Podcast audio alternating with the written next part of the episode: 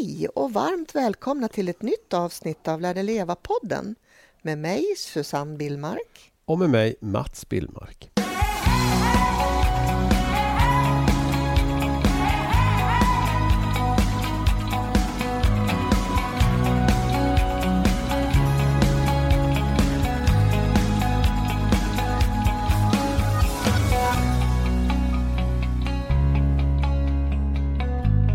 Ja, dagens avsnitt kallar vi ju Vad innebär det med ett nytt år? Och eh, jag tänker jag kan väl börja med hur jag tycker och tänker vad det gäller när det kommer till ett nytt år. Mm, gör det. och jag är som du vet, nu har ju varit tillsammans ganska många år så du vet ju att jag är jäkligt seg alltså i november och december. Mm. Jag tycker bara blir segare och segare. Mm. Kanske har med åldern att göra. Men eh, idag är det ju första januari när vi spelar in det här. Mm. Och jag är ju redan piggare idag. Det är rätt knasigt. Fast vi la oss 10-2 igår. Hur ställer du in ditt mindset Mats? ja det, det, är ju såklart att det är något jag bestämt mig för så blir det ju så. Mm, mm. Eller hur? Mm, såklart. Jag borde ju skriva om det i december med. Mm, det kan man ju. Jag har väl tränat på det genom i många år. Säga det, upprepa det för mig själv gång på gång att jag är seg i november, december. Förmodligen. Och då blir jag skitseg. Eh, ja, men vad säger du Susanne om det här med att det är 2024 nu? Jag tycker det är härligt. Jag tycker det är... Jag blir lite sådär... Alltså jag har ju aldrig satt upp några mål som jag aktivt har jobbat med och sådär. Utan jag är mer så att ja, det som kommer, det kommer. Liksom. Ja, men lite så. Alltid varit mm. sån. Och och därför så blir det så att jag ser liksom ett år som bara helt blankt. Och det är ganska spännande tycker jag. Det kanske är därför man får mer energi med. Jag brukar se det som att man ska upp på en, runt en bergskull, vad säger en bergstopp typ i december och jul och det ska Aha. ätas och det ska handlas och det ska stressas och det ska firas och det ska och jag tycker bara det är roligt att städa ja, och julpynta. Ja, men jag tycker också det är kul. Men jag tycker det är rätt skönt när det är slut. Även om jag också kan ja, njuta av men det. Men vet du, då har jag faktiskt svaret på ditt problem. Okej. Okay. Först ser du bara hur mycket jobb du ska göra. Och sen ser du att det är ganska långt kvar tills det där som ska komma som är bra, som kommer första januari. Och då är det klart att då blir det ju jobbigt när du ser att du har kanske en månad eller en och en halv kvar tills det. Istället för att njuta här och nu, du vet, som vi brukar prata om. Istället för att liksom... För då tycker du att det är så långt kvar till januari. Kanske därför det blir tungt för dig. Mm, kanske. Jag vet inte. Är det så? Ja, kanske. Jag tror också att det har med att man vet att det går mot ljusare tider. Man vet, även om jag gillar, jag gillar ju, jag gillar ju egentligen när det är lite så här, man får kura ihop sig, det måste inte hända så jäkla mycket. Mm. För det gör det ju inte på hösten och vintern. Men jag, det är en sak att tycka att, att det är segt. Men jag kan ju också tycka att det är att jag blir trött och lite sådär. Men det har väl med mörkret att göra. Men jag tycker också att det är skönt när, när hösten och vintern kommer för det lugnar ner sig. Mm. Och Det är väl det fina med, med vårt klimat. Att vi får både och. Mm. Vi får läge att vila upp oss lite mm. vinterhalvåret eller, och sen så förhoppningsvis får vi lite mer energi och ha lite mer energi sommarhalvåret. Mm. Men det här med planerna Susanne, har du inga planer nu heller för 2024? Nej, inte så där direkt så kanske, men eh, vi ska ju gå på gym du och jag nu. vi har ju faktiskt inte gjort det egentligen tillsammans någon gång. Nej, men vi har ju, ja, du gjorde det när vi träffades. Ja, jag gick ju på gym tre dagar i veckan när vi mm, träffades. Mm, jag har gjort det mycket för men jag har ju haft lite problem med rygg och sådär. Men jag har ju gått nu på gym ett par månader. Mm. Och nu ska du hänga på. Och jag har ju också gått på gym fast med själv då.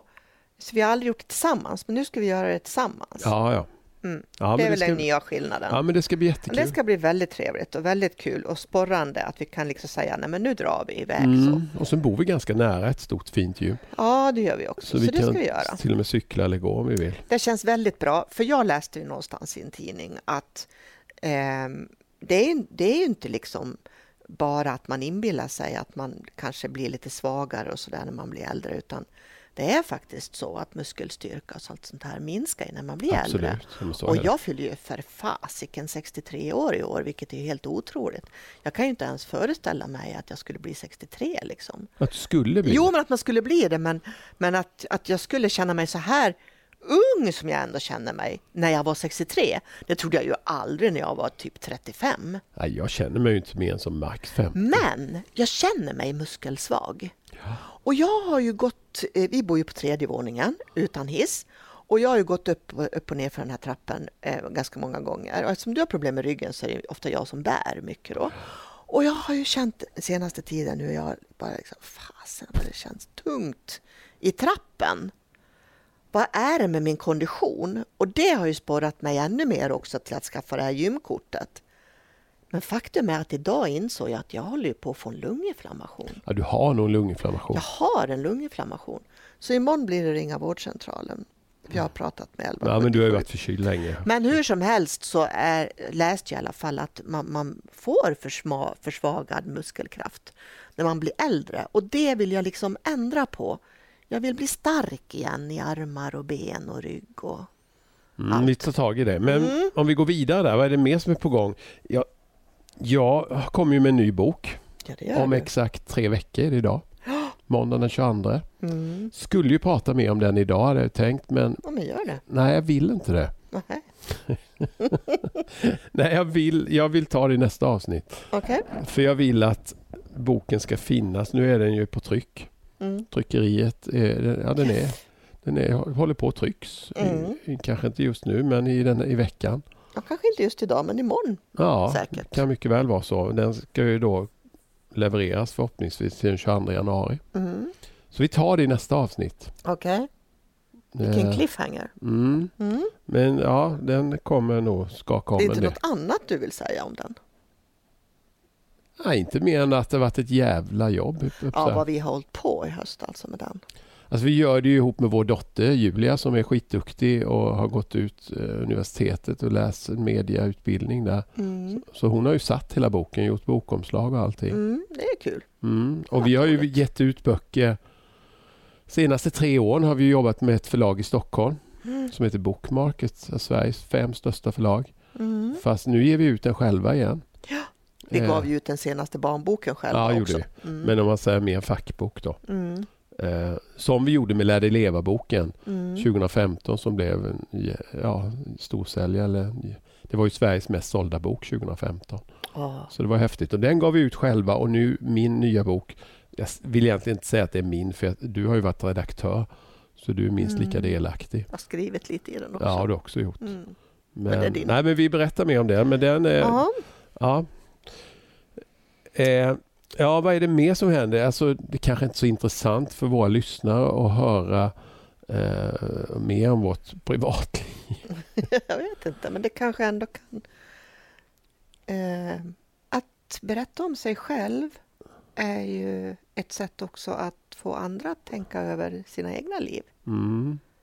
Vi ska ju gå in efter pausen här ska vi gå in på ett ämne som vi har pratat ganska mycket om du och jag Mm. senaste ja, veckorna och senast i morse hade vi, snackade vi mycket om det. Men innan vi hoppar över på det ämnet så tänker jag eh, Du säger att du första gången har lite planer. Så. Vad, vad tänker du då? Ska du skriva ner det på något vis eller hur tänker du?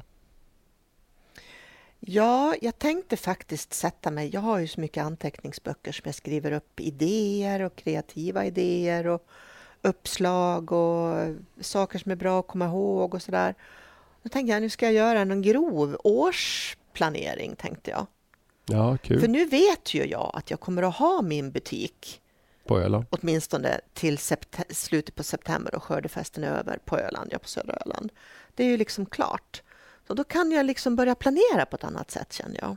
Mm. Så jag ska sätta mig och grovplanera lite med träning och sen är det ju det här med, med sockret som vi har pratat om förut i podden. Att eh, jag gick en sockerskola.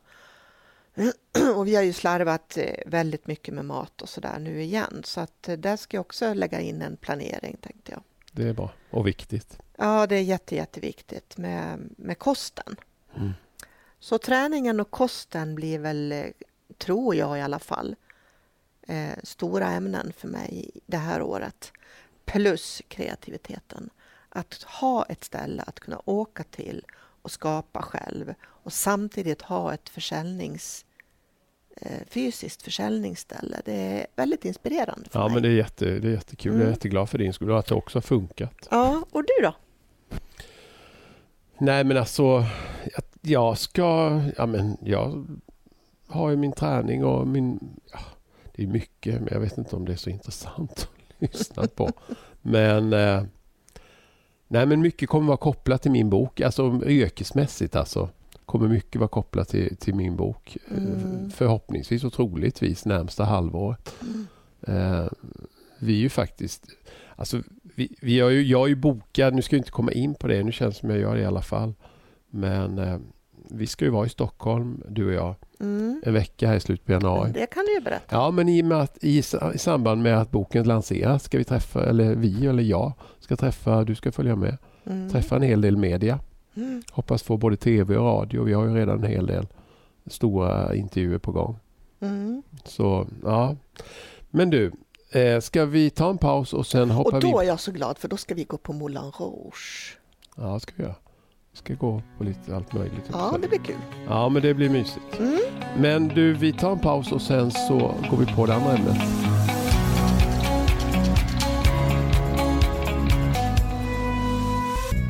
Nu får vi inte låta gamla här så på något vis. Och lite bara, gamla. bara, nej det är vi inte. Jo, vi börjar bli det.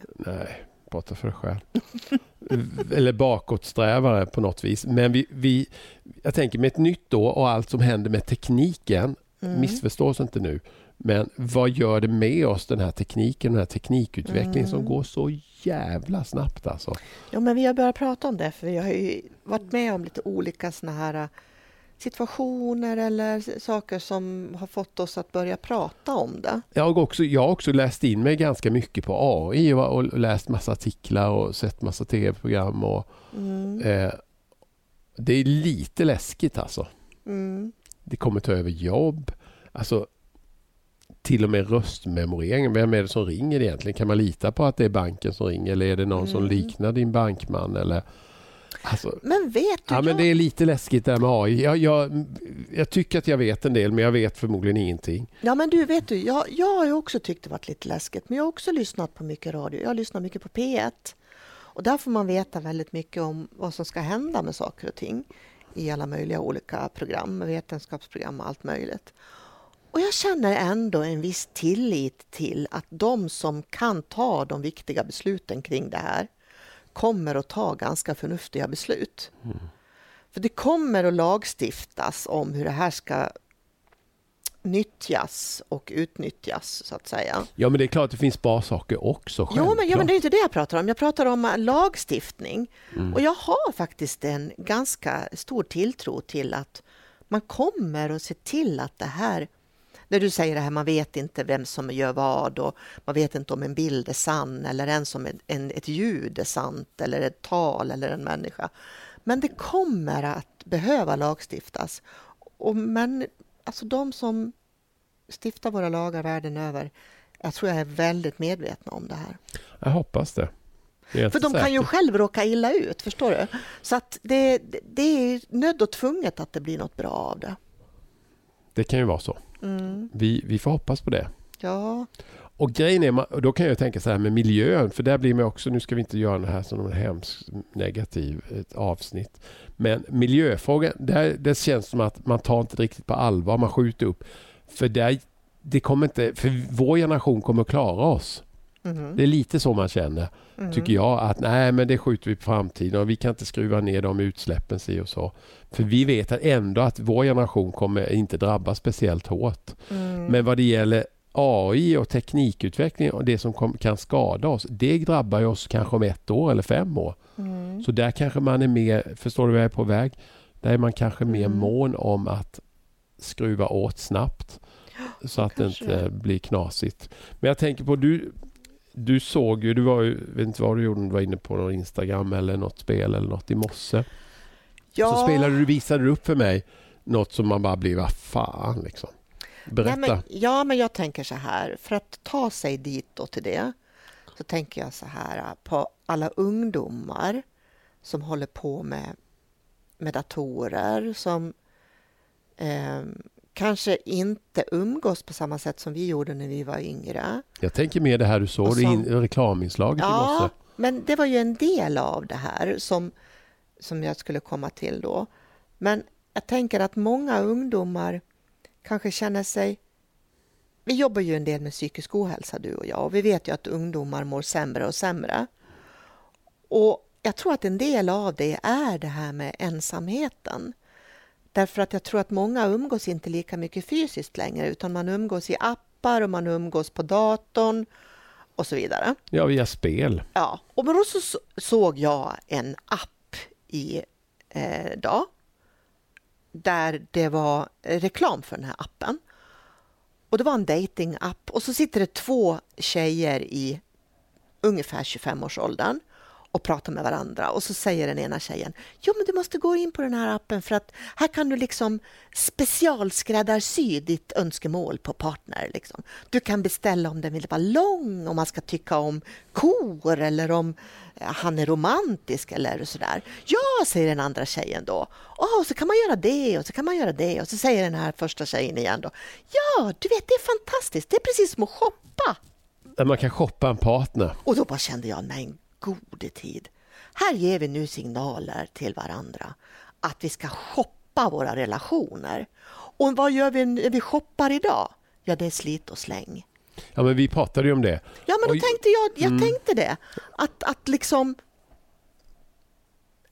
Shopping för ungdomar idag, tror jag, det är liksom inte att man, man går och handlar någonting och sen tar man hand om det och man använder det här och ser till att det liksom ska vara hållbart och sådär.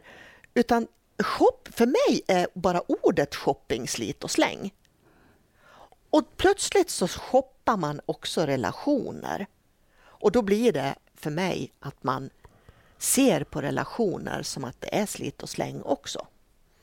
Ja, men risken är ju att att om du nu, nu var kanske det, jag, ingen, jag kan inte alls datingbranschen, men, men eh, det kan ju, alltså är det så att det, det är, om du går in i en relation som du har träffat via någon datingapp eh, och sen så har du ett par tre månader där allt är frid och fröjd och det, det liksom endorfinerna sprutar åt alla håll och det är liksom eh, nykär och allting. Sen när det lägger sig, för det gör det ju alltid, alltså så, så, funkar det ju. Alltså efter några månader så tonas det ju ner lite.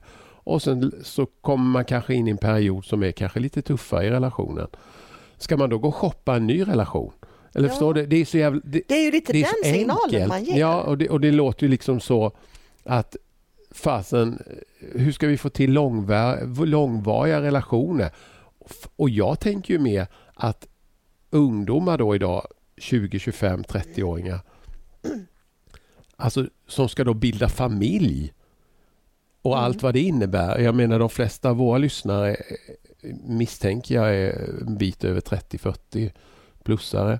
Eh, det, det, det, och vi, alla vi som har barn, eller vi behöver inte ha barn, man, som är inne i en relation, man vet ju att att det är klart att det, det, är ju slitningar i... Eh, det är ju fram och tillbaka. En relation är väl aldrig bra, helt bra. Alltså den är bra men den är inte alltid bra. Förstår du vad jag menar? Jag förstår vad du och det menar. går i omgångar och jag menar, ska det vara så jäkla enkelt då att man att det blir en typ slit och slängbransch och vad gör det då med de som har skaffat barn? Och vad gör det med, med barnens... Eh, vad skapar det för otrygghet? Ja, det är ju ett perspektiv att se det på. Jag kan ju se det på ett annat perspektiv också.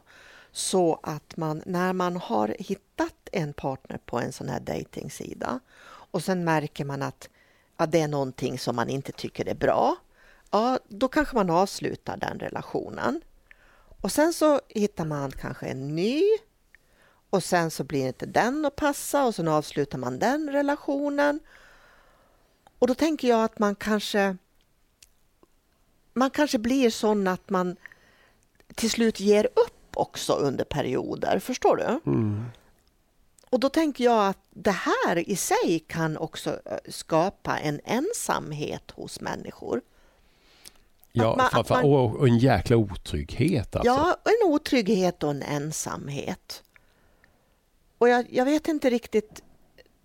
När vi är så mycket på nätet, vi sitter hemma i våra, i vår, vid våra skrivbord eller bord vid våra datorer och uträttar allting. Och vi, vi, vi shoppar relationer, vi shoppar saker och vi spelar och kanske mindre och mindre träffar människor i verkliga livet och kanske upplever att vi blir mer och mer ensamma. Alltså jag, jag känner liksom, vad är det som ska hända? Kommer det att bli så att vi till slut bara får nog av den här ensamheten? Det, jag hoppas ju det, att vi kanske till slut blir så trötta på den här ensamheten så vi bara liksom kastar iväg de här datorerna och bara tänker nu ska jag ut i verkliga livet. Liksom. Att, för vi är ju ändå skapta för eh, flocksamhet. Vi är, människor är ju ändå skapta för att vi ska eh, må som bäst när vi är med varandra. Så jag tror ändå, jag är ändå hoppfull att vi kanske på något vis kommer att eh, söka upp varandra på ett eller annat sätt. Fan, vad, fan vad dystert det här blev. Ja, men jag, för, det är därför jag försöker vara positiv nu. Det är du som är dyster, Matt. Jag försöker hela tiden vara Ja, lite det är bra. positiv.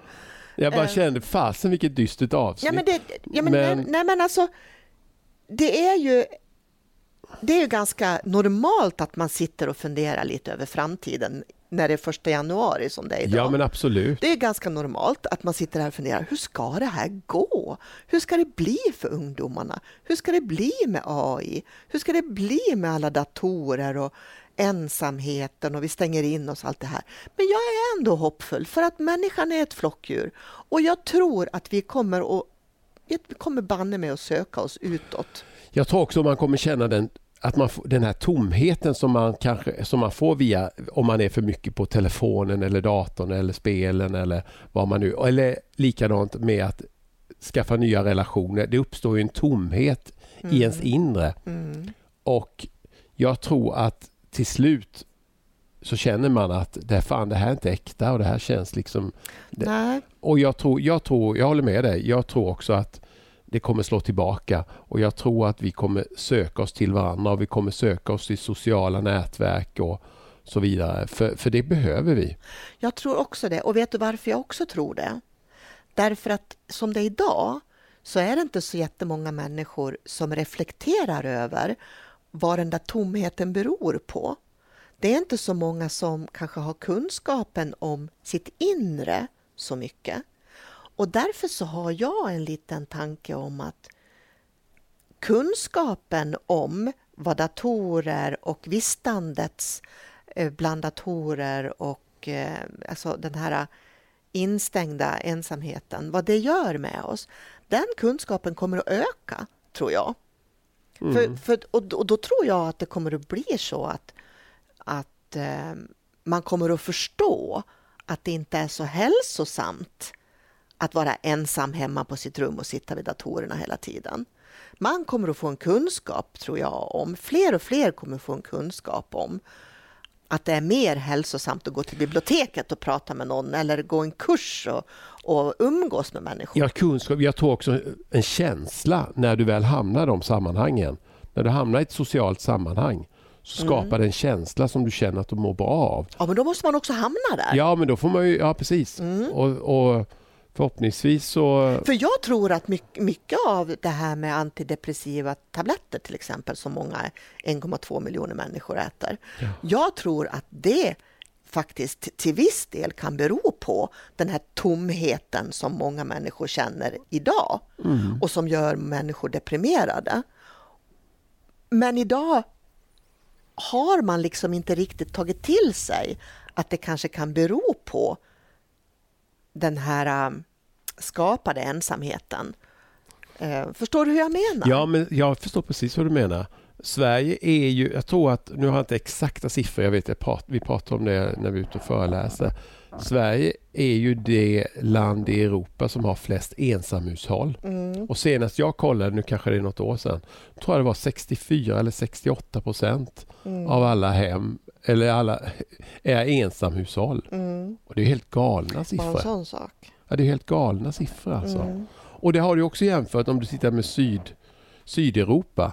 Där bor man ju mer tajt med, med, sin, med sin familj. Alltså Jag pratar- vet inte hur det är nu för tiden egentligen. Nej, det Är vet inte jag heller. Men, men eh, jag tror om du tittar som när du och jag var i Indien för tre, fyra år sedan. Mm. Nu Där- är inte det i Europa, men... Nej, det, Mm. det vet ja, Bra att du sa Nej, men det. du pratade om Europa. Ja, ja, Och sen ja. hoppar du till Indien. Jo, jag vet nog tusen. men ja, Mm, Indien är inte Europa. Men där var det också så ty- det var ju liksom inget snack. Liksom. nej. Där tog man, här flyttade man in med, med sina föräldrar eller man, man, man jag menar här, vi bor i ett hyreshus och jag menar vi kan ju bara titta i vår, vad är vi, nio stycken i vår trapp, Mm. trappa eller säger man så? Trappingång. Nio lägenheter. Nio lägenheter. Och där har vi ju flera tanter i, som är över 90 år Mm. som bor ensamma. Mm. Och det skulle förmodligen inte ske i den typen av länder. Nej, skulle man bo nära inte. sina barn eller barnbarn eller i alla fall väldigt nära och tajt.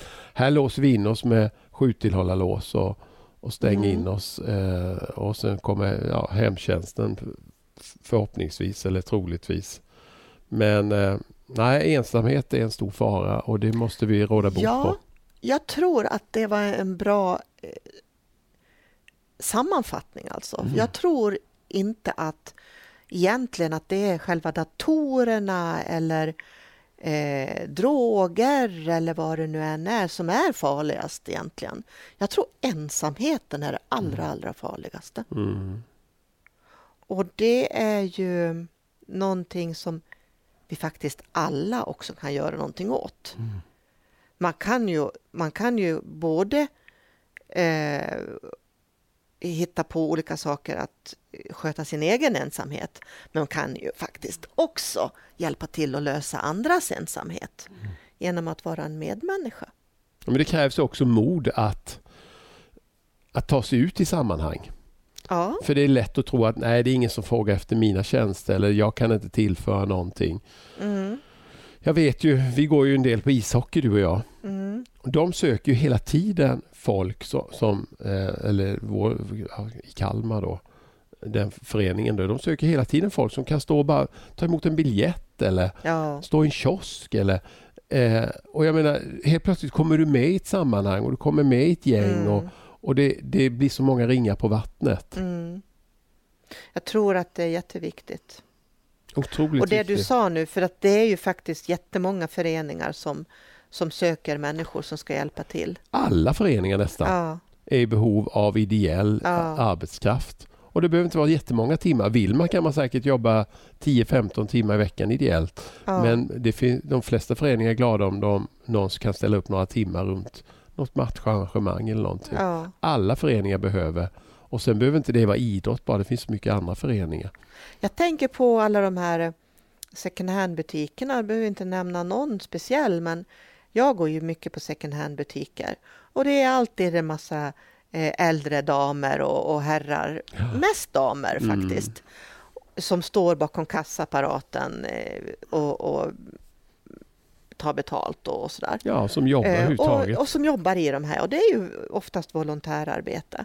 Och jag tänker bara, jag har alltid tänkt sådär, när jag blir pensionär, då ska jag också gå och jobba i de där affärerna.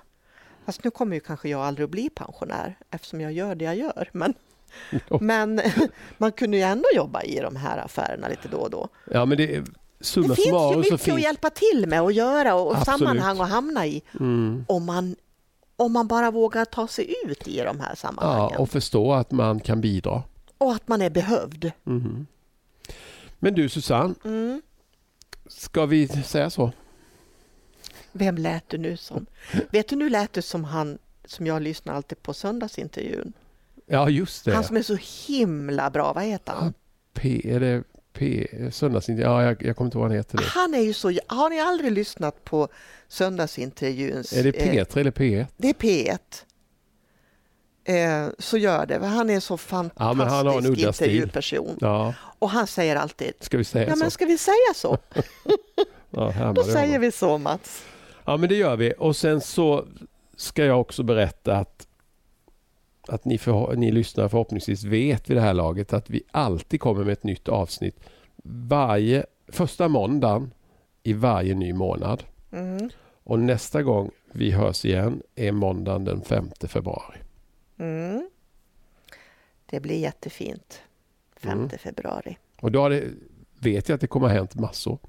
Det då har har det. vi varit ute och, och på lite spännande grejer. Ja, det har vi. Och så har jag blivit av med min lunginflammation förhoppningsvis. Absolut. Och inte smittat mig. Och inte smittat dig. Mm. Om det nu smittar. Hoppas ni får det jättefint hela januari så ses vi i februari. Eller hörs kanske bättre. Det gör vi. Vi hörs. Ja, det bra. Ha det så gott. Hej då. Hej då!